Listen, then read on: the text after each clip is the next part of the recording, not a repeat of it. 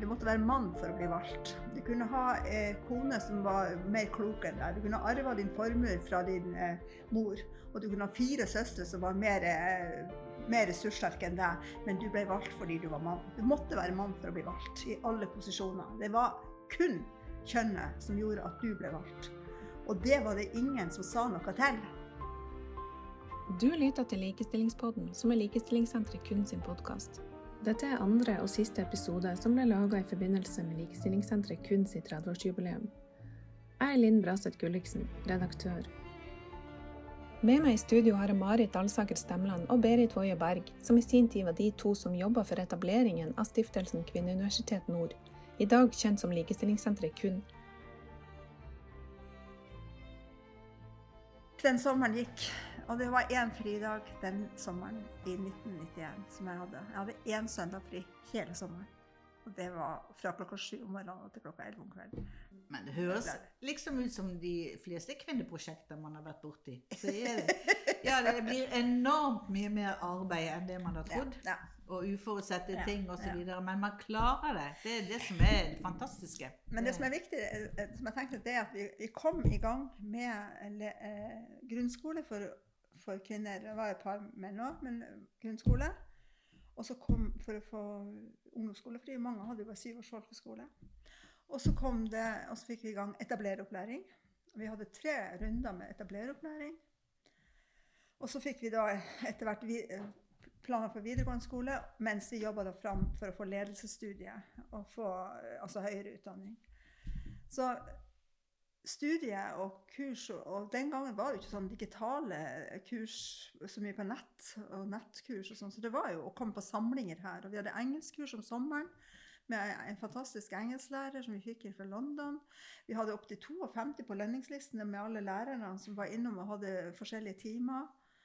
Og vi hadde, bygde jo opp langsomt ifra de to faste stillingene og to som var finansiert gjennom trygd, og til vi var fire faste, og så ble vi opp i 17 på Og det som var helt utrolig, det var at vi hadde elever som tok grunnskoleeksamen, som etterpå tok eh, ungdomsskoleeksamen, og så tok videregående opplæring eller fagopplæring og sånt, og som var så takknemlige at de visste ikke hvilken fot de skulle stå på, fordi at de som 60-åringer hadde fått anledning til å ta fagutdannelse. Det, det syns jeg var store øyeblikk.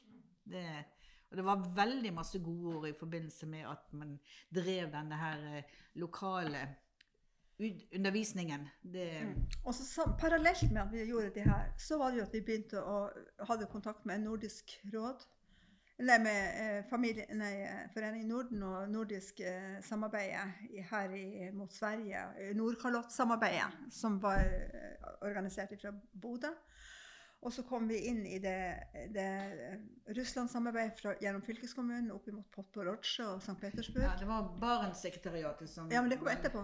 Ja. Først kom fylkeskommunen, og, opp, Ja. og så kom vi gjennom det inn i Barentssekretariatet og Arktisk råd.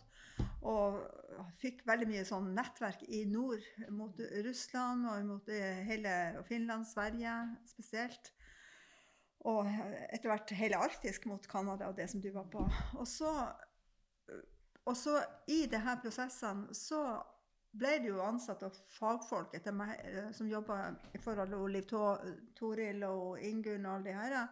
Så man jobba jo fram det her med hvordan få likestillingsperspektivet og kvinneperspektivet inn i samfunnsplanlegginga. For det var egentlig det som ble fokusen for å få, hvordan få det inn i planprosesser som gjør at det faktisk tas hensyn til i det politiske arbeidet og i, i planleggingsarbeidet rundt. Og det ble på en måte døråpneren til mye av det europeiske og det internasjonale arbeidet vi hadde. Det var mye med, med kvinneperspektivet på samfunnsplanlegging. Og det tenker jeg at det åpna dørene for mange prosjekter, likestillingsprosjekter i, innenfor EU. EU-finansierte. Og det også mot Norad og mot Sør-Afrika.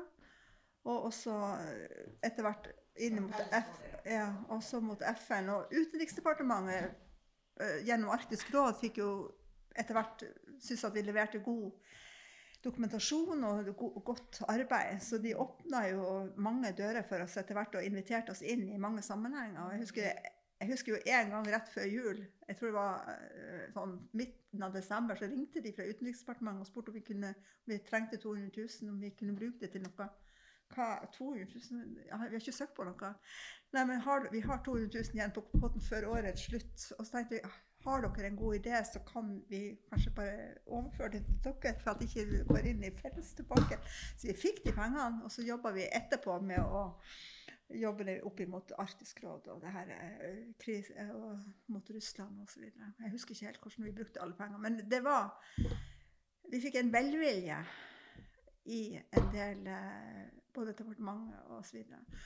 Og parallelt med det her så gikk jo også jobben for å komme inn på statsbudsjettet. Og det var jo Utdanningsdepartementet som, som på en måte slapp oss inn, i, depart- inn i, på statsbudsjettet og argumenterte som studiesetter.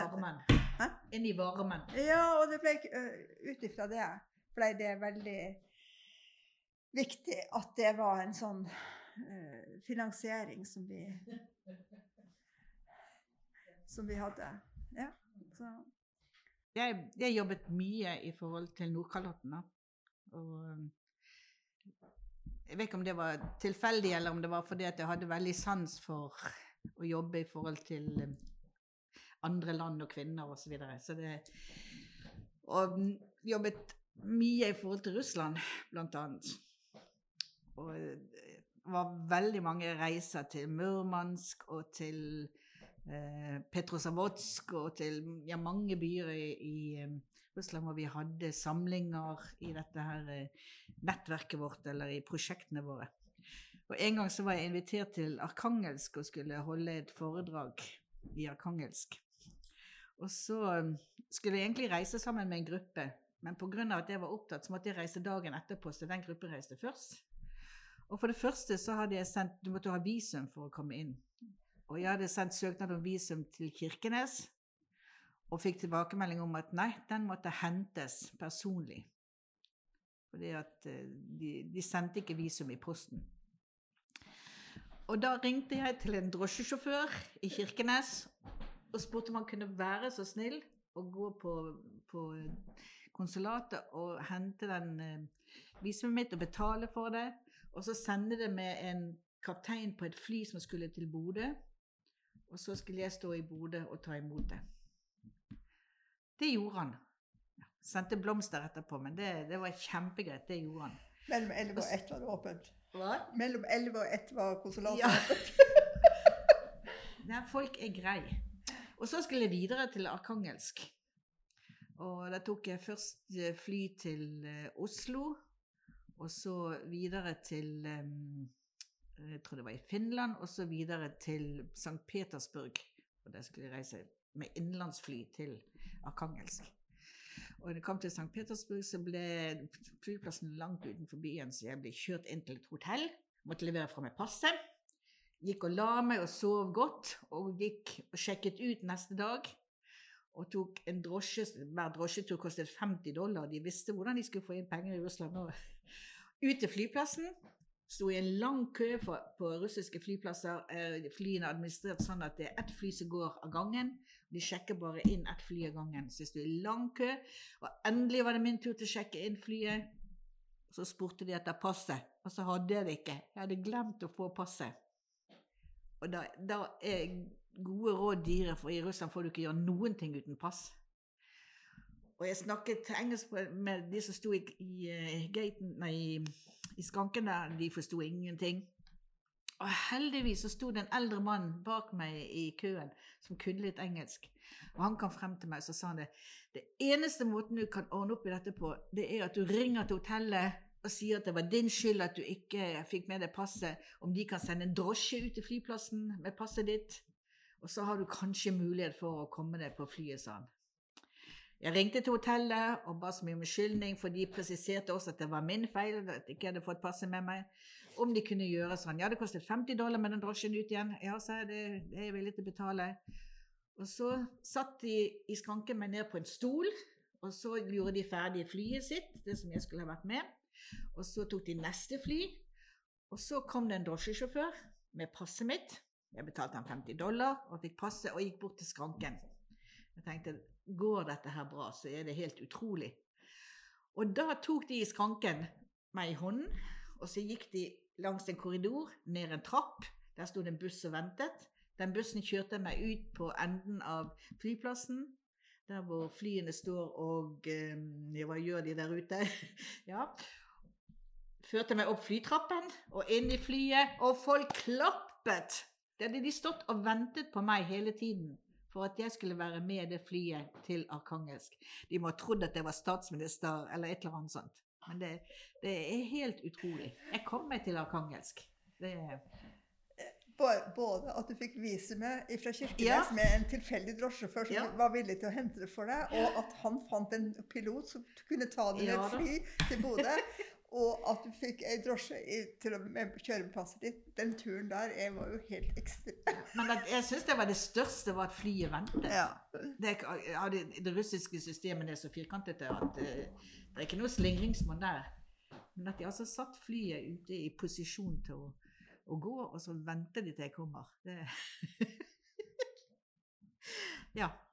Vi jobbet jo i forhold til krisesentre. Russland hadde ikke krisesentre før, så de skulle da etablere sine krisesentre. Sverige hadde lang tradisjon på krisesentre. Vi hadde kort tradisjon på krisesentre. Og Finland hadde sin helt egen tradisjon på krisesentre. Det var sånn helst mor- og barnsentre. Og eh, vi kunne jo ikke overføre noe, noen av våre mm, opplegg, hvordan vi har laget krisesentre, på de andre, for de hadde helt forskjellige forutsetninger. Og i Russland var det jo sånn at ble du utsatt for vold og overgrep osv., så, videre, så kunne ikke du gå og finne deg et nytt sted å bo. Du måtte fremdeles bo i den samme leiligheten med den samme voldelige personen eller naboen eller hvem det var. Men de fikk et kontor hos kommunen som de kunne drive veiledning i. Såkalt krisesentre, da. Og de hadde mm, fritt, det var gratis kontor, og de antar de som jobbet der, fikk lønn. Og så hadde de en enorm kompetanse rundt seg, sånn, sånn, rent sånn profesjonell kompetanse med jurister og leger og alt mulig som kom og rådgivet disse kvinnene. Jeg er sikker på at de rådet dem til å dra hjem og late som ingenting. Følte jeg i hvert fall da. Men um, det var ikke noe sted hvor kvinnene kunne gjemme seg eller få bli slippe unna eller noen ting sånt. Så det Jeg syns jo det var et tungt det var, det var tungt å se på hvordan eh, Jeg tror krisesenteret i Russland nå er blitt kanskje annerledes. At de har sett at eh, det må mer til enn bare et rådgivningskontor og et klapp på skulderen og si 'bit tennene sammen'. Det, Svenskene de hadde et krisesentersystem som var veldig opptatt av boligen. De hadde ordentlige krisesentre, boliger. Men de var mer sånn profesjonelle. I Norge så var det veldig mye dugnad forbundet med krisesentrene før. Det var ikke så mye betalt arbeid. Og eh, krisesentrene var gjerne en, et sted hvor noen kunne bo hvor det var en blanding av, eh, lånte og gitte møbler og senger og alt mulig sånt, mens i Sverige var det mye mer profesjonelle krisesentre. og veldig, De var opptatt av formen og innholdet også. Det var de. De var flinke. Det var de. Mens i Finland, der hadde de mer sentre for enslige mødre og barn. Det var ikke så mye krisesentre.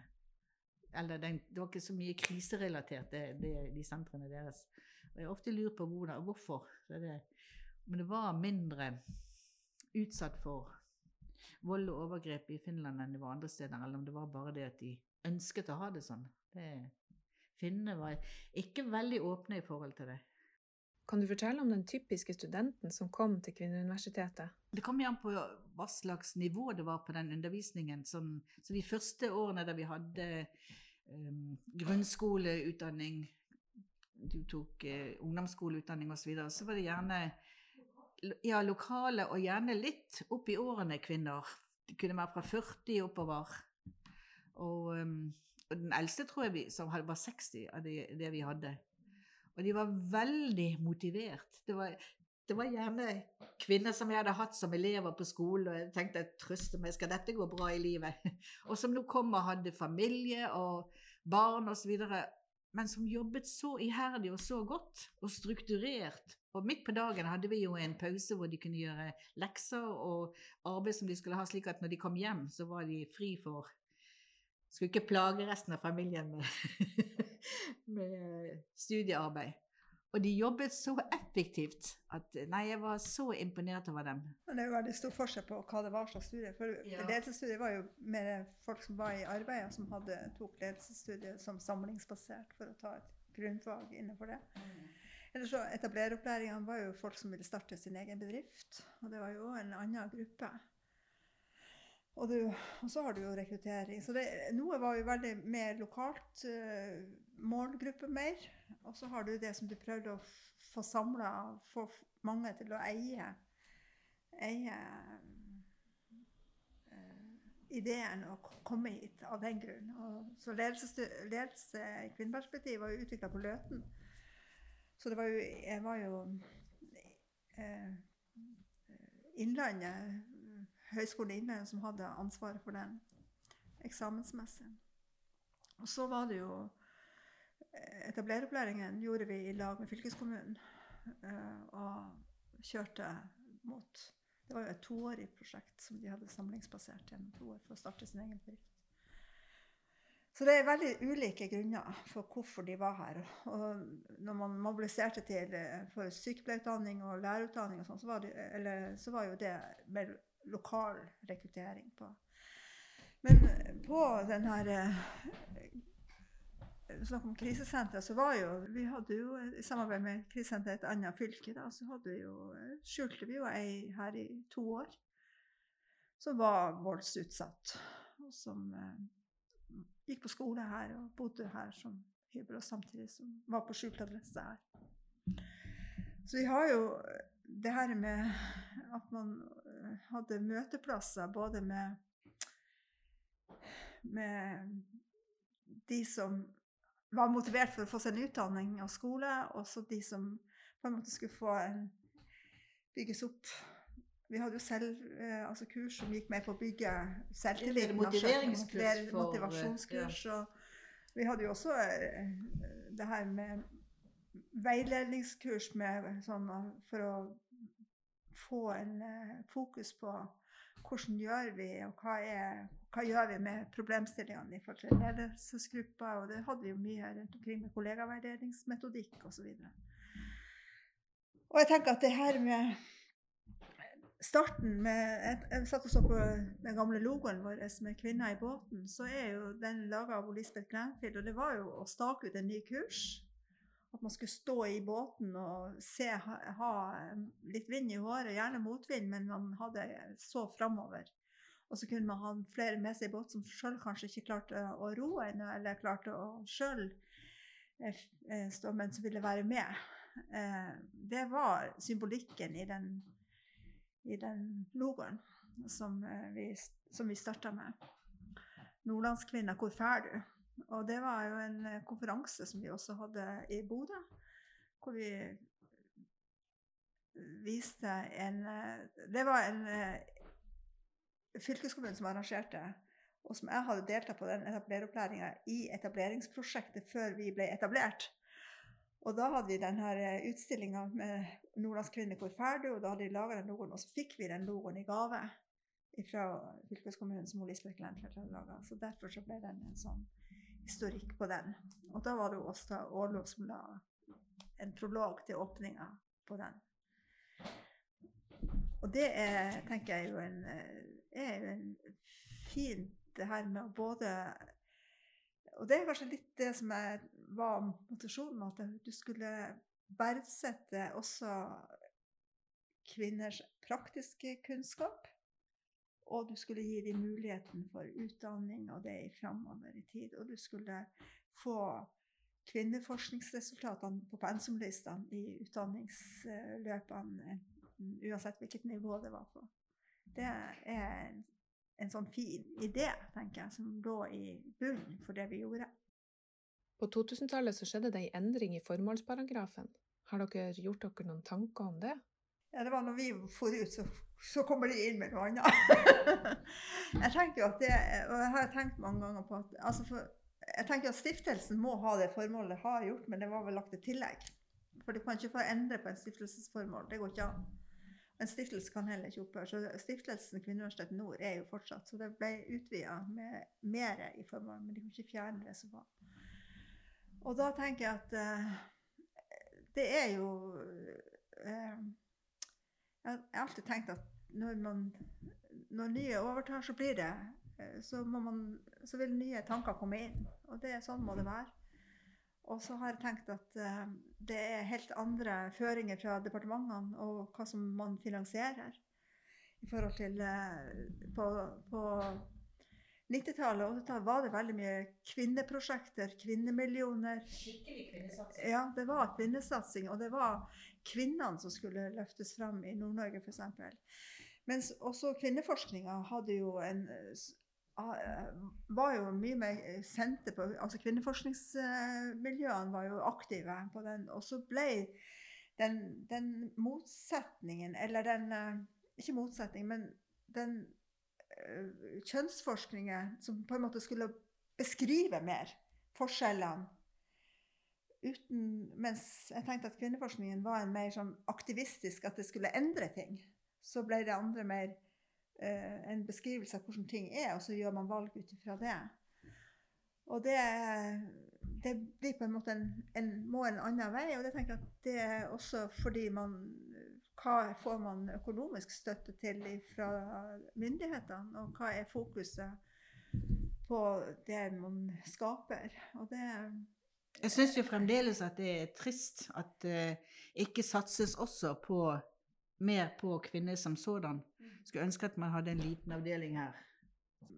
Jeg ser jo at unge jenter har en annen hverdag å slåss mot enn det man hadde på 70-tallet, men de har en eh, Jeg syns det er mer bekymringsfullt med den kroppsfokuseringa som er nå, enn det var eh, Det var ikke så kropps... Eh, altså, kjønnsfokusert. Nå er jo enten går du inn en jente med rosa eller blått, altså, mens ungene på 70-tallet hadde jo alle farger på seg, uansett om de var jenter eller gutter. Det er noe med veldig sånn kjønnsfokusert marked eller forbruk som jeg syns er helt uh, trist å se. Men jeg tenker at verdi, verdiene i, i, det å være likeverdig og likestilt er, ligger i bunnen uansett, tenker jeg. Og det er viktig å holde fram det, det, er så mye som forandrer seg. Det går ikke an at eh, det, Hvis det er én ting jeg er sikker på, så er det at ting ikke står stille. Og det er at ting er under endring hele tida. Sånn at jeg tenker at det Og så tenker jeg at jeg kjenner at det ble veldig rett for meg å jobbe med det som vi hadde på Kvinneuniversitetet. Jeg ble mer og mer glad i Kvinneuniversitetsideen. Og tenker at det var det jeg holdt på med når jeg jobba her. Og tenke at det var den perioden. Og det er jeg glad for at jeg fikk oppleve, for det var veldig bra. Men og så er jeg veldig fascinert av at det fortsatt er så aktivt og levende her. Jeg er kjempekry og stolt av det. For det var ingen som ville tro for 20, 30 år siden at vi skulle vare i 30 år. Og jeg tenkt på mange på de etablereropplæringene som vi var med. kom. Eh, noen skulle starte med et hestesenter, og noen med et reiselivsanlegg, og noen skulle starte butikk, og noen skulle starte strikkebedrift, og noen skulle starte med forskjellige, og jeg skulle starte et kvinneuniversitet. Og jeg, og jeg husker at eh, de sa til meg ja, hvis Alt er mulig hvis også det der er mulig. var liksom det. Og så tenker jeg at vi og så Nina på Norskott er de eneste som fortsatt driver av alle vi som var på etablererprøven mm. for 30 år siden. Det er verken hestesenter eller turist? Nei, ingen av de andre er med, men de, de er fortsatt der. Og jeg tenkte at Eh, på en måte så er det litt sånn ytterpunkter av altså En butikk er noe som alltid har vært der, og som du skifter varer og litt sånn Men det er det stabile og større enn matbutikk. Mens det her er et sånt utviklingsbedrift som hele tida er i endring fordi man fanger opp ny kunnskap, nye trender, nye forskningsresultater, går nye veier. Det kommer det er på en måte summen av den kompetansen man rekrutterer inn, som blir produktet som vi leverer. For det er jo hvem du har fått, fått ansatt i, på Kun. Og det at det har vært så utrolig mange flinke folk som har villet jobbe her gjennom alle år. Det har vært, fra dag én så har folk villet jobbe her, og de har kommet med sin kunnskap. Og det har vært nesten sånn at det vi etterspør er jo sånn høyere utdannet, sånn, men, de, men, det er jo hva de bringer inn, som på en måte former denne bedriften slik at den er der den er i dag. Og sånn tenker jeg egentlig med alt det jeg, har- holdt på med. Jeg tenkte jo egentlig på samme på Nav, at det vi gjør i dag, det er noe helt annet enn vi gjorde for ti år siden. Og det er summen av utviklinga som er under endring, og summen av kompetanse som bygges opp, og hva man faktisk bruker den kompetansen til å utvikle. Og det er, derfor er det kjempespennende å følge med her. i forhold til det. Ja, men all Så- credit til Ja. dere som driver det, til deg, Mari. Det er helt utrolig hvordan dere har klart å tilpasse dere på en måte til de kravene som er rundt omkring. Og fått derfor, dem ned til noe som er veldig nyttig. Ja. Jeg, jeg, jeg tenker at det er, men jeg tenker at på, på 90-tallet så var den ideen det som kunne gå an. Det hadde aldri gått an å etablere et likestillingssenter med kjønnskategorier for, for 30 år siden. Det var fokus på kvinner som gjorde at vi kunne få penger og kunne etablere oss. Og det var Kvinneuniversitetsideen som gjorde at det skilte seg ut fra alt annet av prosjekter og studiesenter og alt som vokste opp på den tida, med mange mange sånn kompetansesentre som, som ble etablert på 90-tallet ut Men Kvinneuniversitetet Nord husker alle, fordi at det var en Både navnet og profilen var helt annerledes enn alle de andre. Og det gjør, at vi Jeg tror det ble en god grunnmur å bygge på. Men fremdeles så ser vi jo at det mangler forskning på kvinners helse. I forhold til alle forskningsdeler, opp å si, så er det fremdeles mest av alt mannen som er Hva kalles det noe? Mønsteret, eller normal, eller ja. Men det er et faktum at det er utrolig mange unge menn som faller utenfor, som er utenforskapet i dag. Og det bekymrer meg veldig mye, fordi det er faktisk en vokser fram en slags en eh, skal ikke si underklasse, men en klasse som på en måte, hvor du ikke finner din plass i samfunnet. Og det er bekymringsfullt. Veldig bekymringsfullt, tenker jeg. Så det er, det er derfor jeg sier at det, man har jo sine kamper eh, for, som er viktige til enhver tid. Og jeg tenker, jeg har sagt det flere ganger, at eh, man når noen av de her å, de er så imot kvotering, f.eks. til ledelse, eller kvotering skal jo ikke ha noe kvotering inn i styret, og i hvert fall ikke politiske partier, og kvotering av kvinner, f.eks. Tenker jeg at det er altså, var 120 års kvotering av menn. Du måtte være mann for å bli valgt. Du kunne ha eh, kone som var mer klok enn deg. Du kunne arva din formue fra din eh, mor. Og du kunne ha fire søstre som var mer, eh, mer ressurssterke enn deg, men du ble valgt fordi du var mann. Du måtte være mann for å bli valgt i alle posisjoner. Det var kun kjønnet som gjorde at du ble valgt. Og det var det ingen som sa noe til. Og heller ikke når man på 70-tallet kvoterte inn gutter på lærerutdanning fordi det var for lite mann, menn som tok lærerutdanning. Det var heller ingen debatt i det offentlige. Men når man snudde på det, så ble det plutselig. Så jeg tenker at det er ikke gjort på 20 år. Det er generasjoner som du Før du har fått endra ting. Og, men det må heller ikke bli sånn som det nå kan se ut som at du har faktisk store grupper som faller utenfor. Jeg tenker Utenforskapet som holder på å utvikle seg, er urovekkende i mine øyne. Hvor er Likestillingssenteret kun i framtida? Eh, Sånn som det har vært. Både kultur for, og åpenhet for, og tradisjon for. At man tør å gå inn i nye problemstillinger og ta inn over seg forskningsresultater og hva som Så vokser det fram eh, nye veier. Det, jeg tenker at det er aldri i mål. Det er alltid noe man kan jobbe mer med, kjempe for. Og tenker at det, men å holde engasjementet og interessen og sånt, og brenne for det, det er jo viktig. Og da tror jeg at de som jobber her, må ha Jeg tror en av suksesskriteriene er at de har fått være med å forme jobben sin. Og for, har et, det er et utviklingsverksted. Og da tenker jeg det er jo ingen det var helt umulig for 30 år siden å se hva det skulle bli i dag. Og det ville ikke vært for 15 år siden heller. Da man begynte å endre på, eh, på formålsparagrafen, så ville jeg heller ikke se for seg hva det her kom i dag. Og den endringa tror jeg Men man må, man må tørre å være med på den utvikling og samtidig ha med seg den historien. For er, de, historieløshet er faktisk noe av det som kan gjøre at ting smuldrer opp. Hvis ikke man har sånn litt, noe som man vet at man står i en, i en sammenheng, så tror jeg man mister litt grep etter hvert. Hvis ikke alle ser at det har en Jeg tenker at det er litt det her med at du står i en fortid med nagler som kvinnene, mødrene Så jeg tenker litt, går på det her med å holde ved like en historiefortelling. At man er en del av en fortelling, og når man er en del av fortellingen, så blir det nye kapitler. Men hvis man bare sitter og leter etter nye kapitler og har glemt historien, så, og løsrevet, så tror jeg fort at man blir eh, spist opp av andre ting og bare hiver etter hvert fordi man ikke man ser ikke verdien i, i, over tid. Og det samme er hvis man bare sitter og forteller historier og aldri ikke fornyer seg. Det er òg dreperen for enhver virksomhet, tenker jeg. Men jeg er jo litt eller kanskje mer redd for Jeg håper jo vinden fra høyre snart skal snu.